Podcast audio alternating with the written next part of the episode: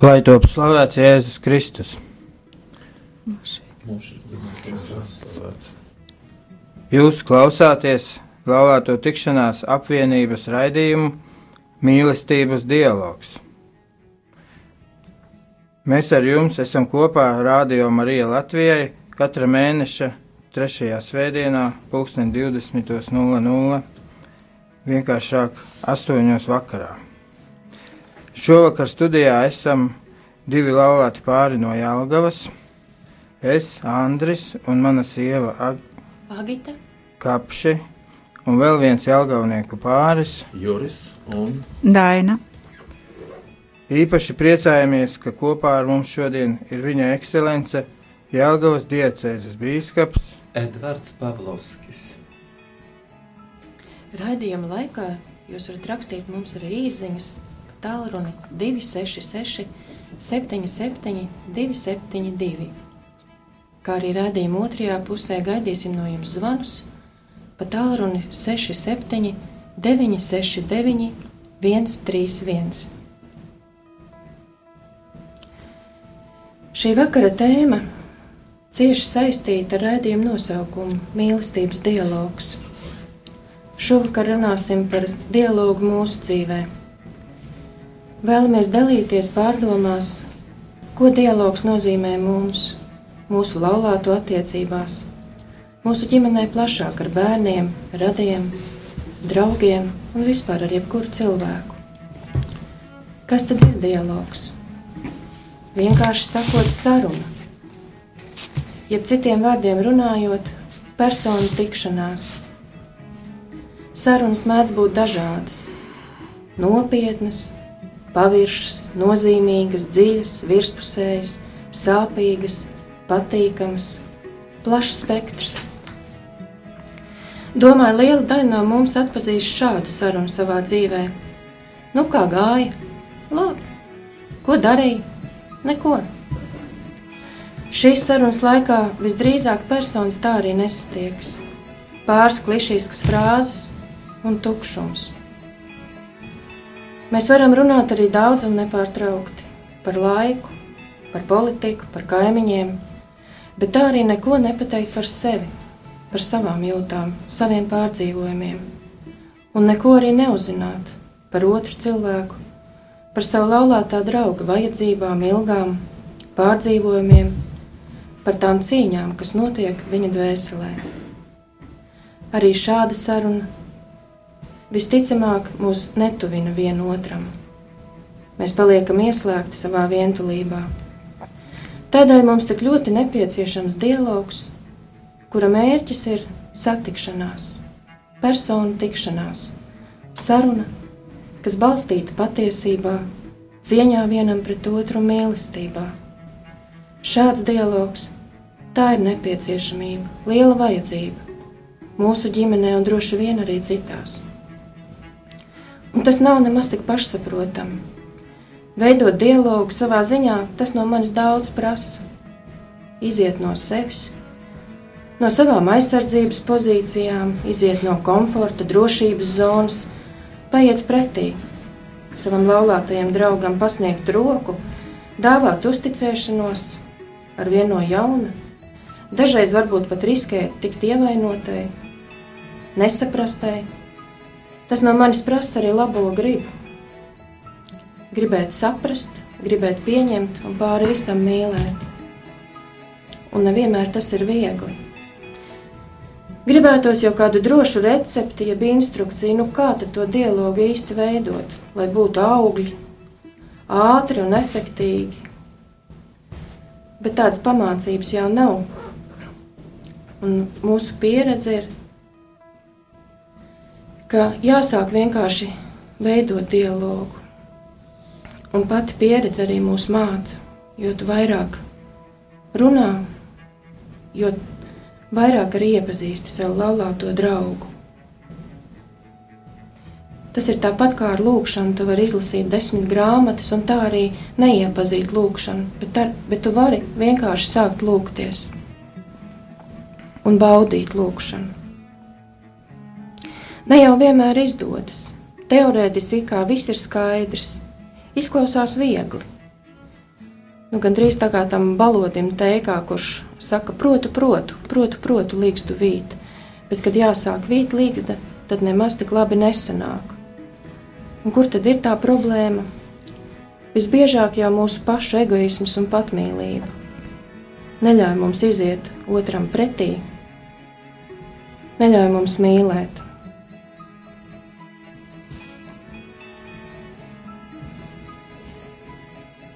Bieži liekas, nu es taču zinu tāpat, ko viņš man teiks, man tāpat viss ir skaidrs.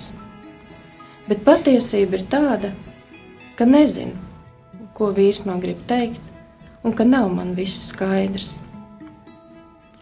Tādēļ es lūdzu Dievam, lai Dievs atver manas ausis, ka es sadzirdu savu laulāto draugu, lai Dievs atver manu sirdi, lai mēs varam satikties patiesībā un mīlestībā.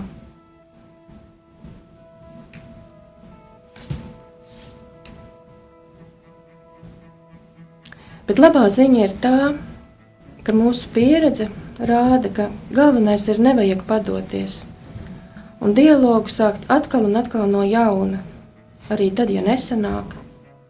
Atkal un atkal no jauna izrādīt labo gribu, un brīnumi notiek.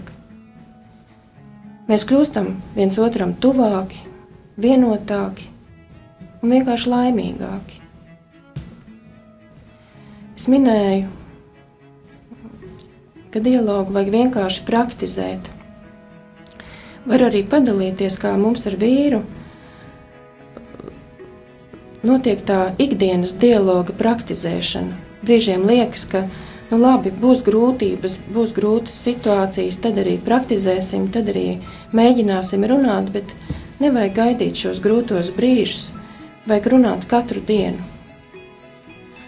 Un mēs ar vīru esam atraduši veidu, kā runāt katru dienu caur svētiem rakstiem. Mēs lasām ikdienas svēto rakstu lasījumus, katrs pats.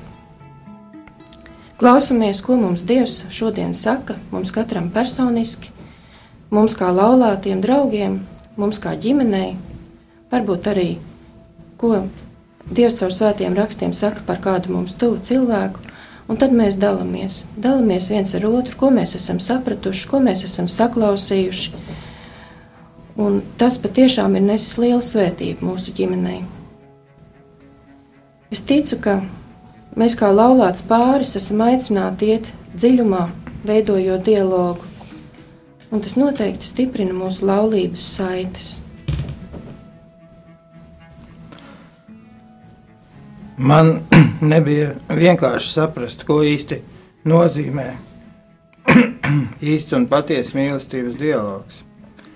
Dialogu es sapratu kā vienkāršu sarunu, kurā piedalās divi cilvēki, un nebija svarīgi, ko tieši viņi runā.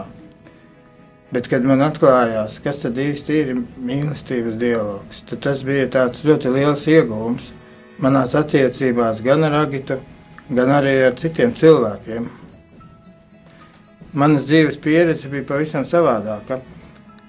Jau no bērnības es biju redzējis, kā cilvēki pie mazākām vai lielākām domstarpībām savā starpā sāk apvainoties viens uz otru, tiesāt otru vai arī sāk vienkārši pierādīt otram savu taisnību.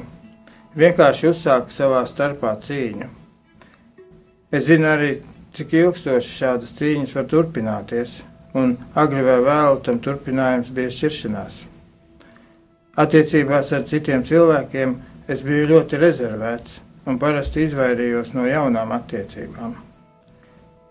Kad es satiku Agitu, tajā laikā es sajūtu savā sirdī stipras ilgas pēc ģimenes un sajūtu arī, ka esmu iemīlējies Agitā.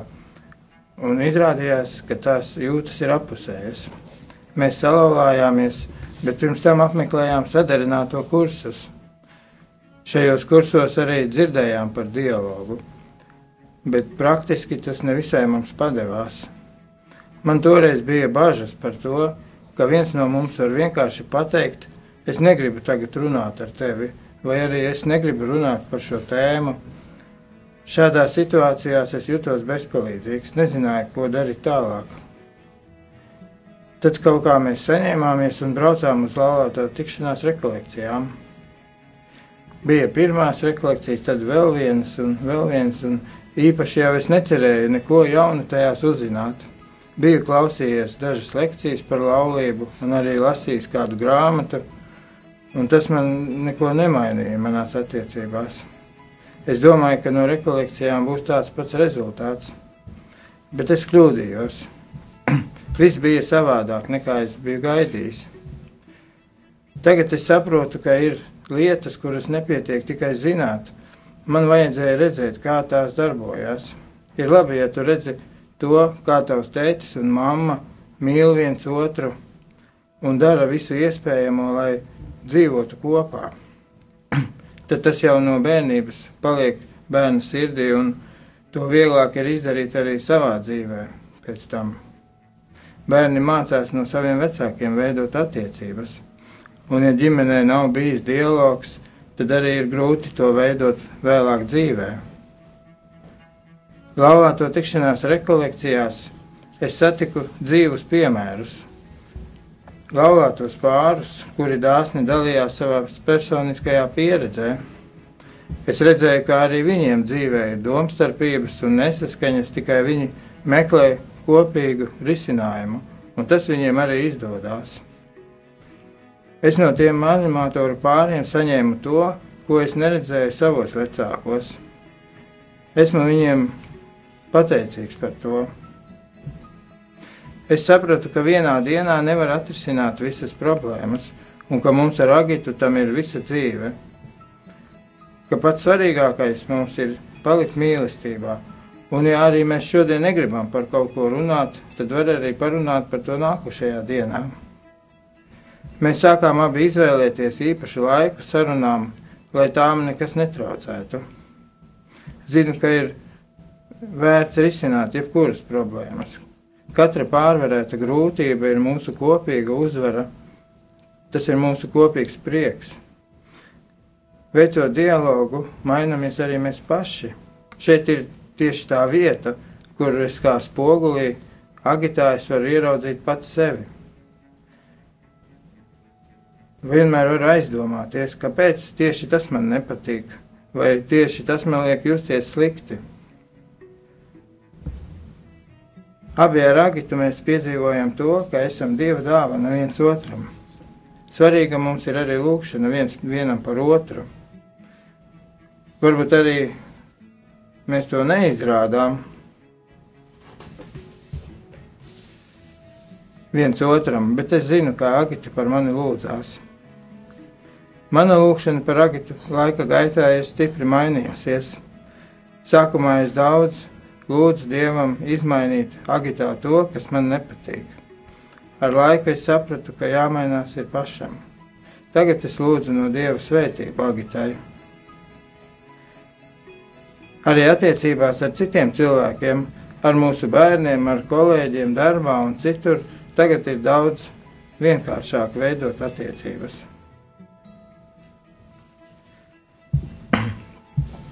Es arī gribu atgādināt, ka laulāto tikšanās kustība ir tā kustība, kas organizē rekolekcijas laulātajiem pāriem, un mēs arī informējam, ka tuvākās pamata rekolekcijas notiks Liepājā no 11. līdz 13. novembrim. Ir vēl palikušas brīvas vietas, tā kā laipni aicinām pārus pieteikties. To jūs varat izdarīt mūsu mājaslapā www.laulātiem.lv. Amen.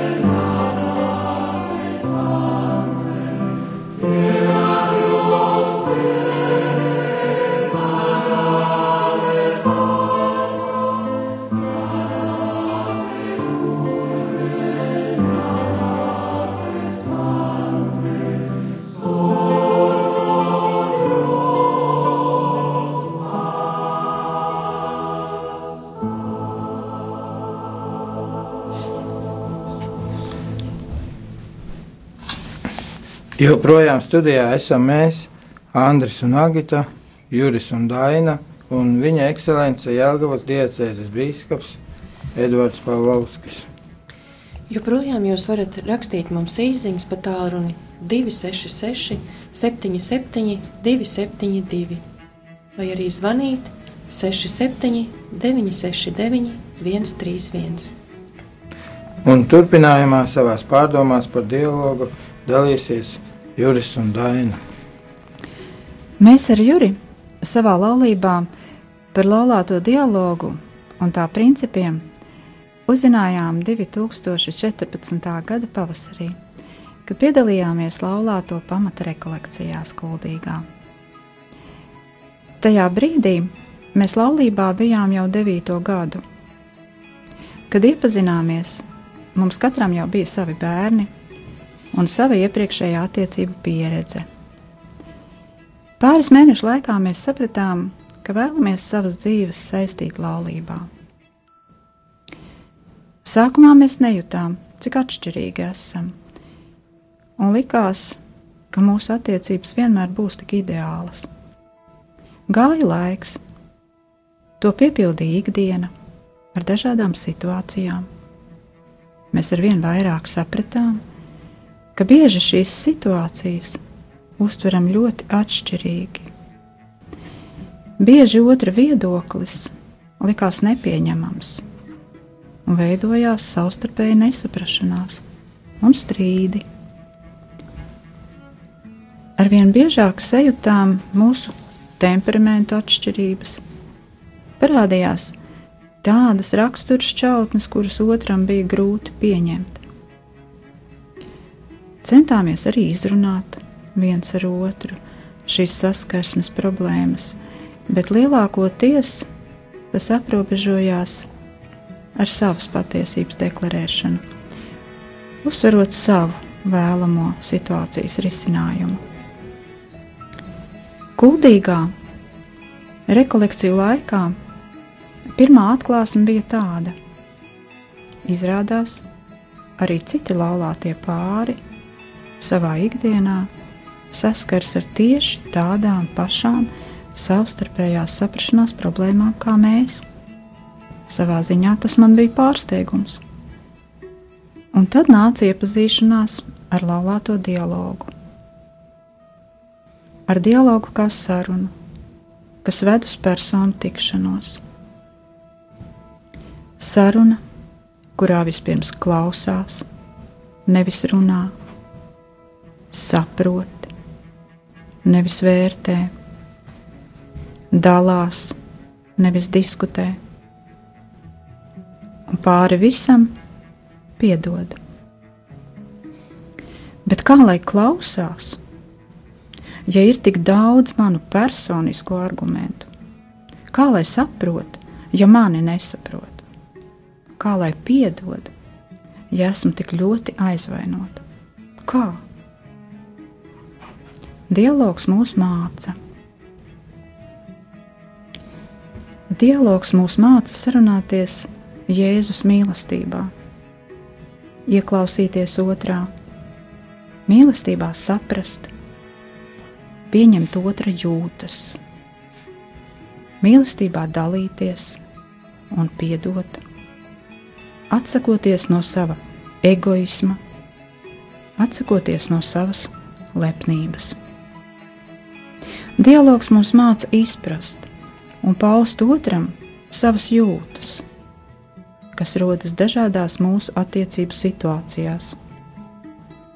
Kā mēs zinām, katra situācija var radīt mūsos dažādas jūtas, gan patīkamas, kā prieku, laimi, gandarījumu vai sajūsmu, gan nepatīkamas jūtas, kā aizkaitinājumu, vilšanos, dusmas, skumjas. Pirms dialoga iepazīšanas mēs nezinājām, ka konflikta situācijās radušās jūtas ir tik ļoti svarīgi identificēt un nosaukt.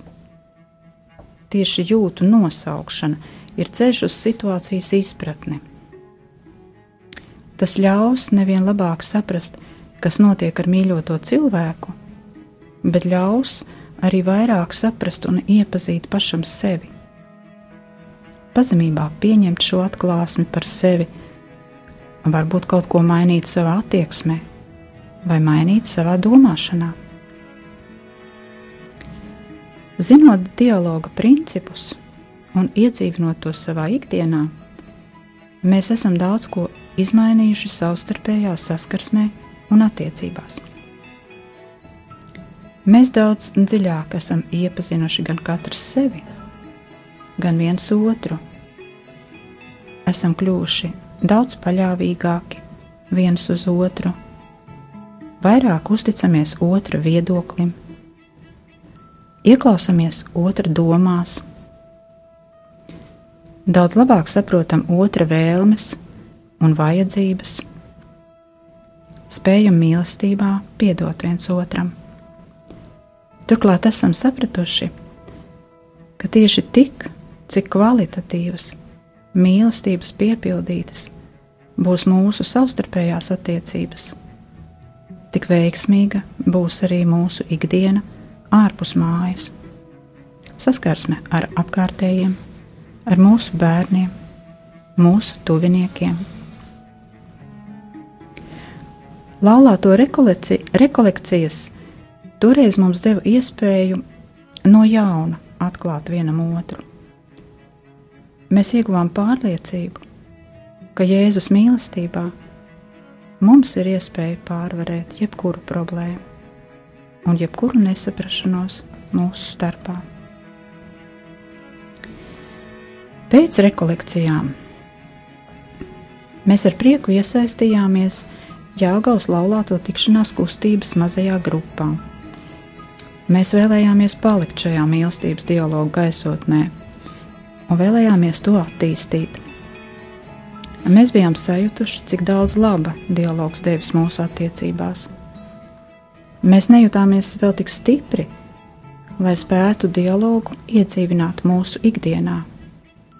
Mēs nevēlējāmies ieslīgt atpakaļ savā attiecību rutīnā Tāpēc likās svarīgi dalīties ar citiem laulātajiem, lai turpinātu mācīties iet pa šo laulāto dialogu ceļu.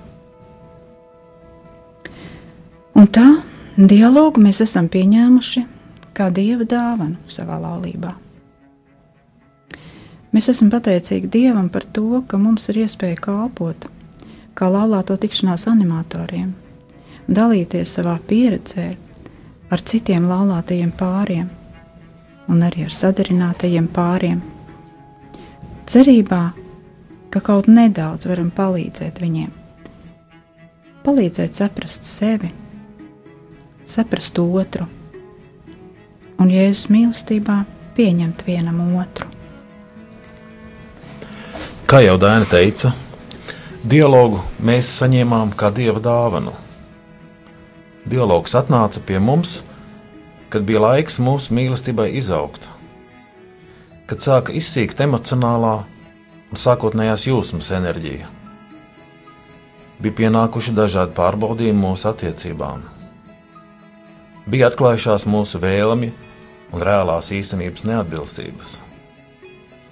Bijām vairāk viens otru iepazinuši, un idealizētā tēla vietā nu ir reāla persona arī ar savām vājībām un ieradumiem, savu nevarēšanu kaut ko pieņemt, savām prasībām pret otru, ar savām vēlmēm un prioritātēm. Un tie bija jautājumi, kur risināšanai bija nepieciešams, lai mūsu mīlestība balstītos nesautīgās, kristīgās kvalitātēs. Bija nepieciešams, lai mēs iemācītos saprast viens otru, lai mēs vēlētos pārkāpt savam ego mīlestības un laulības vārdā.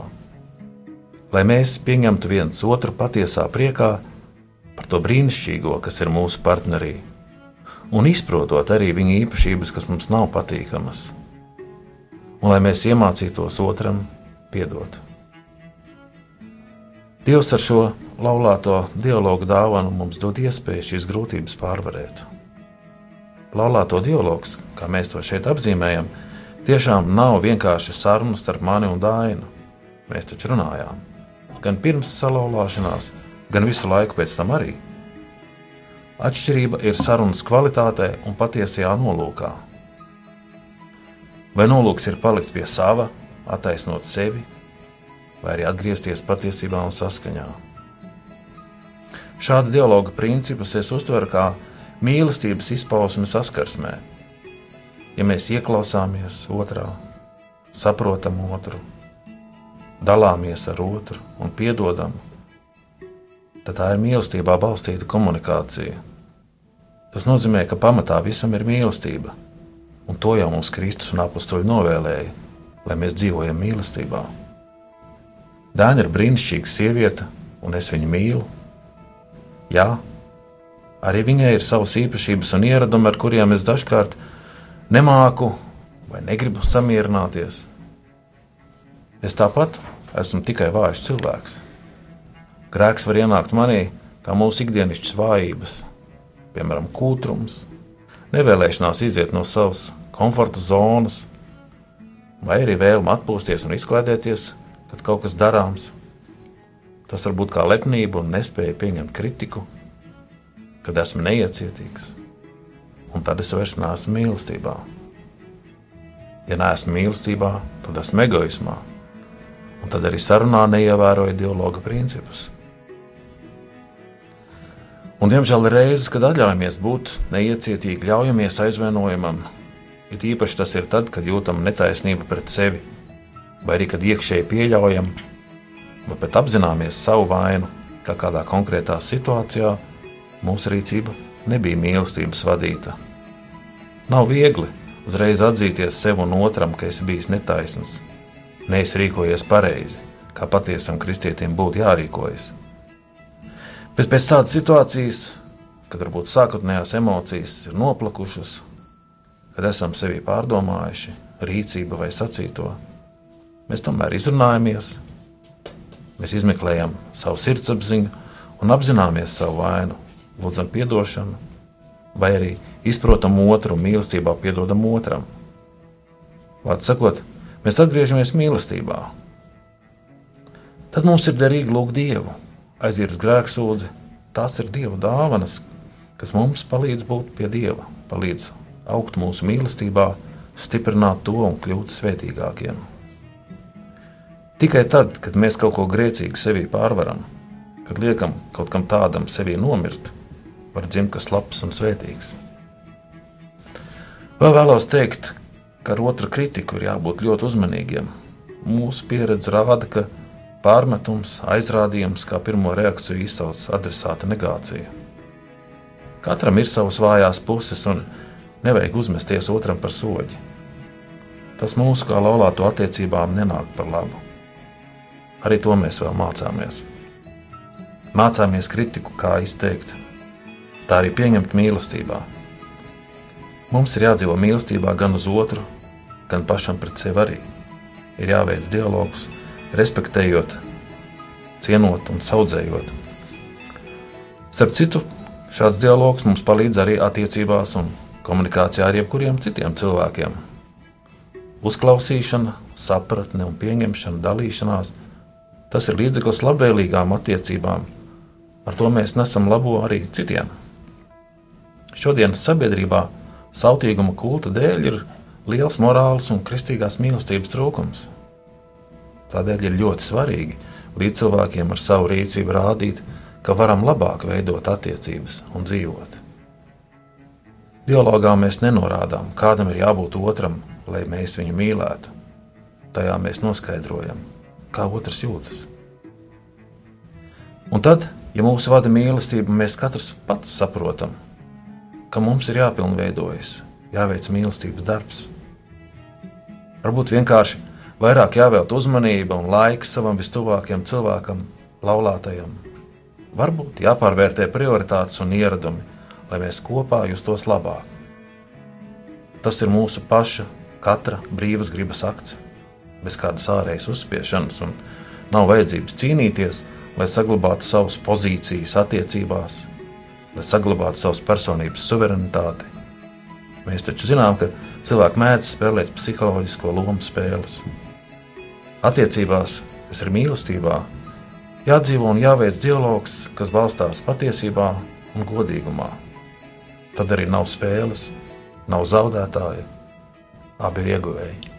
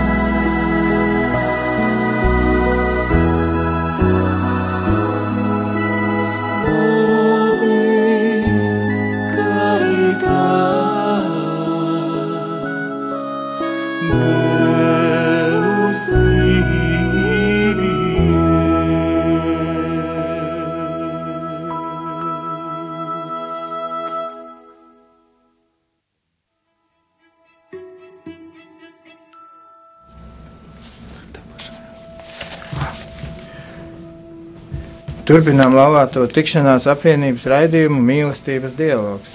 Un tagad mēs lūdzam vārdu viņa ekscelencei eh, Jāgauts diecēzes bīskapam Edvardam Pavlovskim.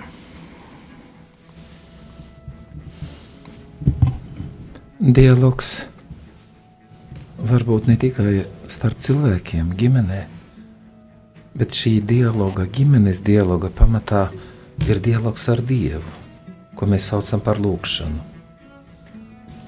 Lūkšanu bieži vien iedomājamies kā tādu savu vēlmju, prasību, lūgumu izteikšanu dievam. Bet lūkšana nav dieva pārveidošana. Lūkšana pārveido pašu cilvēku. Lūkšana nav monologs, bet dialogs ar dievu. Lūkšana ir ieklausīšanās tanī, ko Dievs mums grib sacīt. Pamatā lūkšanu iesākot, ir jābūt dažiem noteikumiem, jāievēro šos noteikumus. Šos noteikumus mums māca pats Kristus savā lūkšanā. Pirmkārt, lūkšanā jābūt tīrai sirdī tas, kam ir ļauni nodomi, kam sirds nav laba, kas lūdz kaut ko sliktu citam, vai vispār sliktu, varbūt nevajadzīgu, varbūt lai izdodas kaut kāds ļauns darbs, tur nevar būt lūkšana. Tā nevar būt lūkšana, nav runas par lūkšanu. Otrs, ko Kristus mums māca, tā ir atdošana. Kristus lūdzas uz debesu Tēvu visizteiksmīgāko lūgšanu izsakot pie krusta. Un tur viņš saka mums šo vislabāko, vislielāko pamācību. Tēvs piedod viņiem, jo viņi nezina, ko dara. Tātad viņš ir pats pilns piedošanas domāju, ka laulāto dialogā šī prasība ir tik ļoti, ļoti nepieciešama. Ja sāk dialogu laulātie, kuri ir pilni naida, tad grūti šo dialogu turpināt. Tas noteikti pāraugs savstarpējos apvainojumos. Tātad ir jāpadomā tiem, kuri grib uzsākt dialogu, lai mīl, sirds būtu mīlestības pilna. Un nākošais šis dialoga prasība, nākošā dialoga prasība dialogam ar Dievu ir nostāties Dieva priekšā kā Dieva bērnam. Dialogs tas nozīmē tagad un šeit. Dialogs ar Dievu var būt arī svēto rakstu lasīšana. Tātad ieklausīties to, tanī, ko Dievs man grib pateikt ne tanī, ko kādreiz viņš man teica, bet ko tagad, šī brīdī, šeit un tagad grib pateikt. Kā viens no svarīgiem dialoga principiem ir apklust un ieklausīties tanī, ko runā šis dialoga vedējs, partneris. Nav dialoga tad, kad visi runā. Tātad viens no noteikumiem ir prast, apklust un paklausīties. Lai notiktu dialogs ar Dievu, ir vajadzīgs klusums. Kultūrāls cilvēks nepārtrauc citu, ja viņš runā. Viņš gaida, kamēr šis cilvēks apklusīs, kamēr viņš izteiks visu, un tikai tad viņš uzrunā savu sarunu biedru. Dievs arī ir tāpat kultūrāls un pieklājīgs. Viņš gaida, kamēr cilvēks pateicis, apklusīs. Un tad Dievs var pateikt kaut ko cilvēkam. Ieticēsim tam, ka Dievam ir ko mums pateikt. Dialogs kā tāds neatrisinās problēmu, kura sākusies varbūt arī ģimenē. Pats dialogs, it sevišķi ārējo problēmu.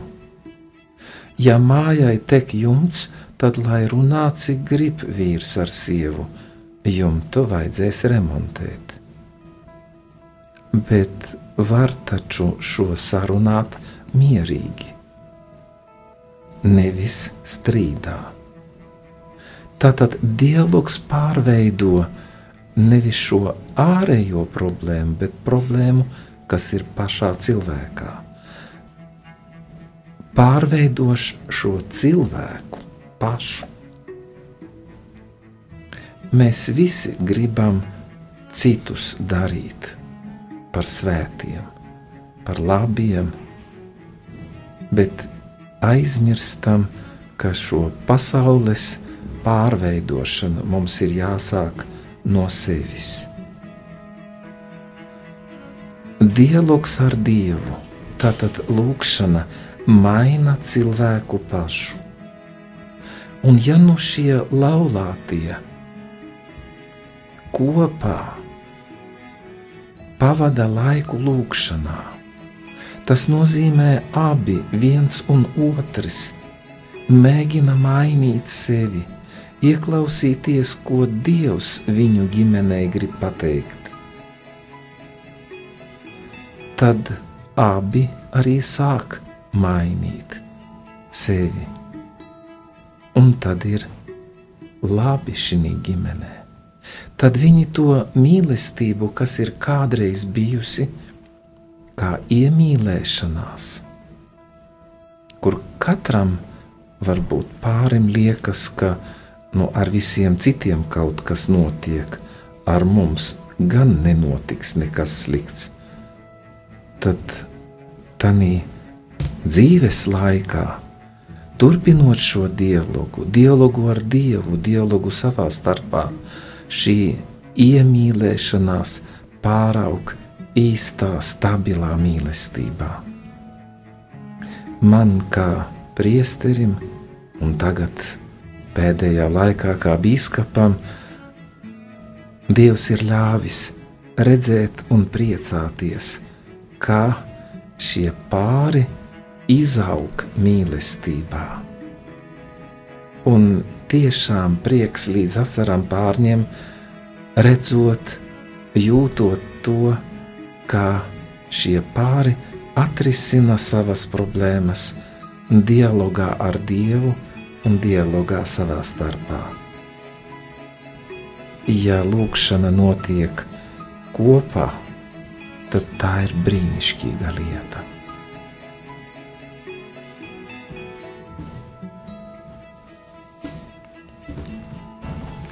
Jūs klausāties Latvijas tikšanās apvienības raidījuma mīlestības dialogs.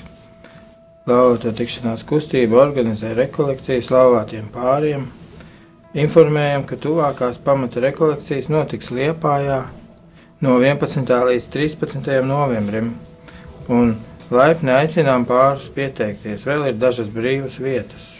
To jūs varat izdarīt mūsu mājaslapā www.lauvātiem.lv.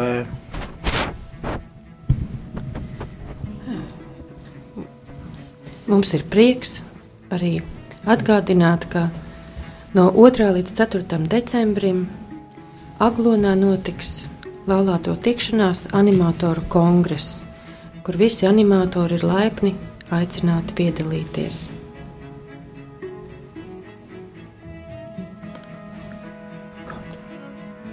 Mums ir ienācis arī jautājums studijā par piecām mīlestības valodām.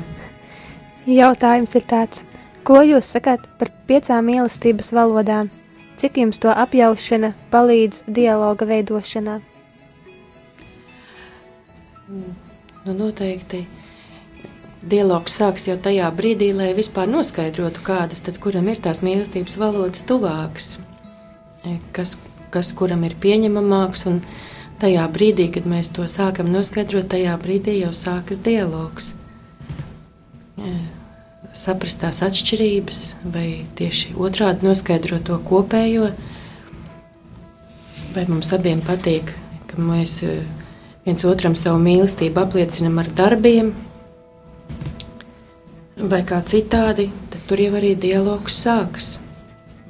Es domāju, ka e, noskaidrot šīs piecas mīlestības valodas, tas ir mīlestības dialoga sākums. Ko citi saka? Mīlestībā viss ir labs, kas, kas ir balstīts mīlestībā. Un es domāju, ka kādi centieni kaut ko darīt, lai to stiprinātu, koptu, ir nu, vienkārši apsveicami un vēlami. Sirsnīgi pateicamies par jautājumu, un mūsu raidījums tuvojas beigām. Tādēļ mēs aicinām jūs, cienījamie klausītāji, kopā ar mums arī lūgties mūsu laulāto tikšanās kustības laulāto lūgšanu. Kungs, Jēzu, es lūdzu tev dialoga dāvanu mūsu laulībai. Palīdzi man vēl labāk ieklausīties manā Vīrā, sievā, palīdzi mums apusēji labāk iepazīt vienam otru, dalīties vienam ar otru, piedot vienam otram, dod mums delikātumu un maigumu mūsu sarunās, un dari, lai tās vestu pie patiesas tikšanās vienam ar otru. un abiem kopā ar tevi. Palīdzi mums aizvien labāk pieņemt vienam otru, radīt vienotību, kurā mēs varam palikt tādi, kādi esam. Lūdzu, dziedini to, kas mūsos ir sarežģīts un grūti panesams, kas mūs šķir, un palīdzi visus lēmumus pieņemt ar mīlestību kas izriet no dialoga vienam ar otru un ar tevi. Palīdzi mums priecāties par mūsu laulību un vienmēr palikt tavā mīlestībā. Āmen! Un tagad noslēgumā palūksim bīskapam Edvardam Palovskim svētību. Dievs, kungs, lai ir ar jums! Kungs ir ar tevīm! Lai kunga vārds ir slavēts. No šī laika un mūžam Mūsu palīdzība ir kunga vārdā. kas ir radījis debesis un zemi. Lai svētī jūs visus visvarenais Dievs, Tēvs un Dēls un Svētais Gars. Āmen! Dieva žēlastība, lai jūs pavada. Pateicība Dievam! Jūs klausījāties laulāto tikšanās apvienības raidījumu mīlestības dialogs. Mēs ar jums esam kopā. Radio Marija Latvijai katra mēneša 3. svētdienā, 20.00.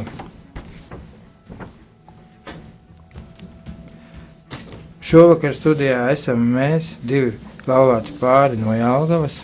Es, Andris un mana sieva Agita, Kapši, un vēl viens Jālgavnieku pāris. Juris un Daina. Un īpaši mēs priecājāmies, ka kopā ar mums šodien bija viņa ekscelence Jālgavas diecēs bīskaps Edvards Pavlovskis.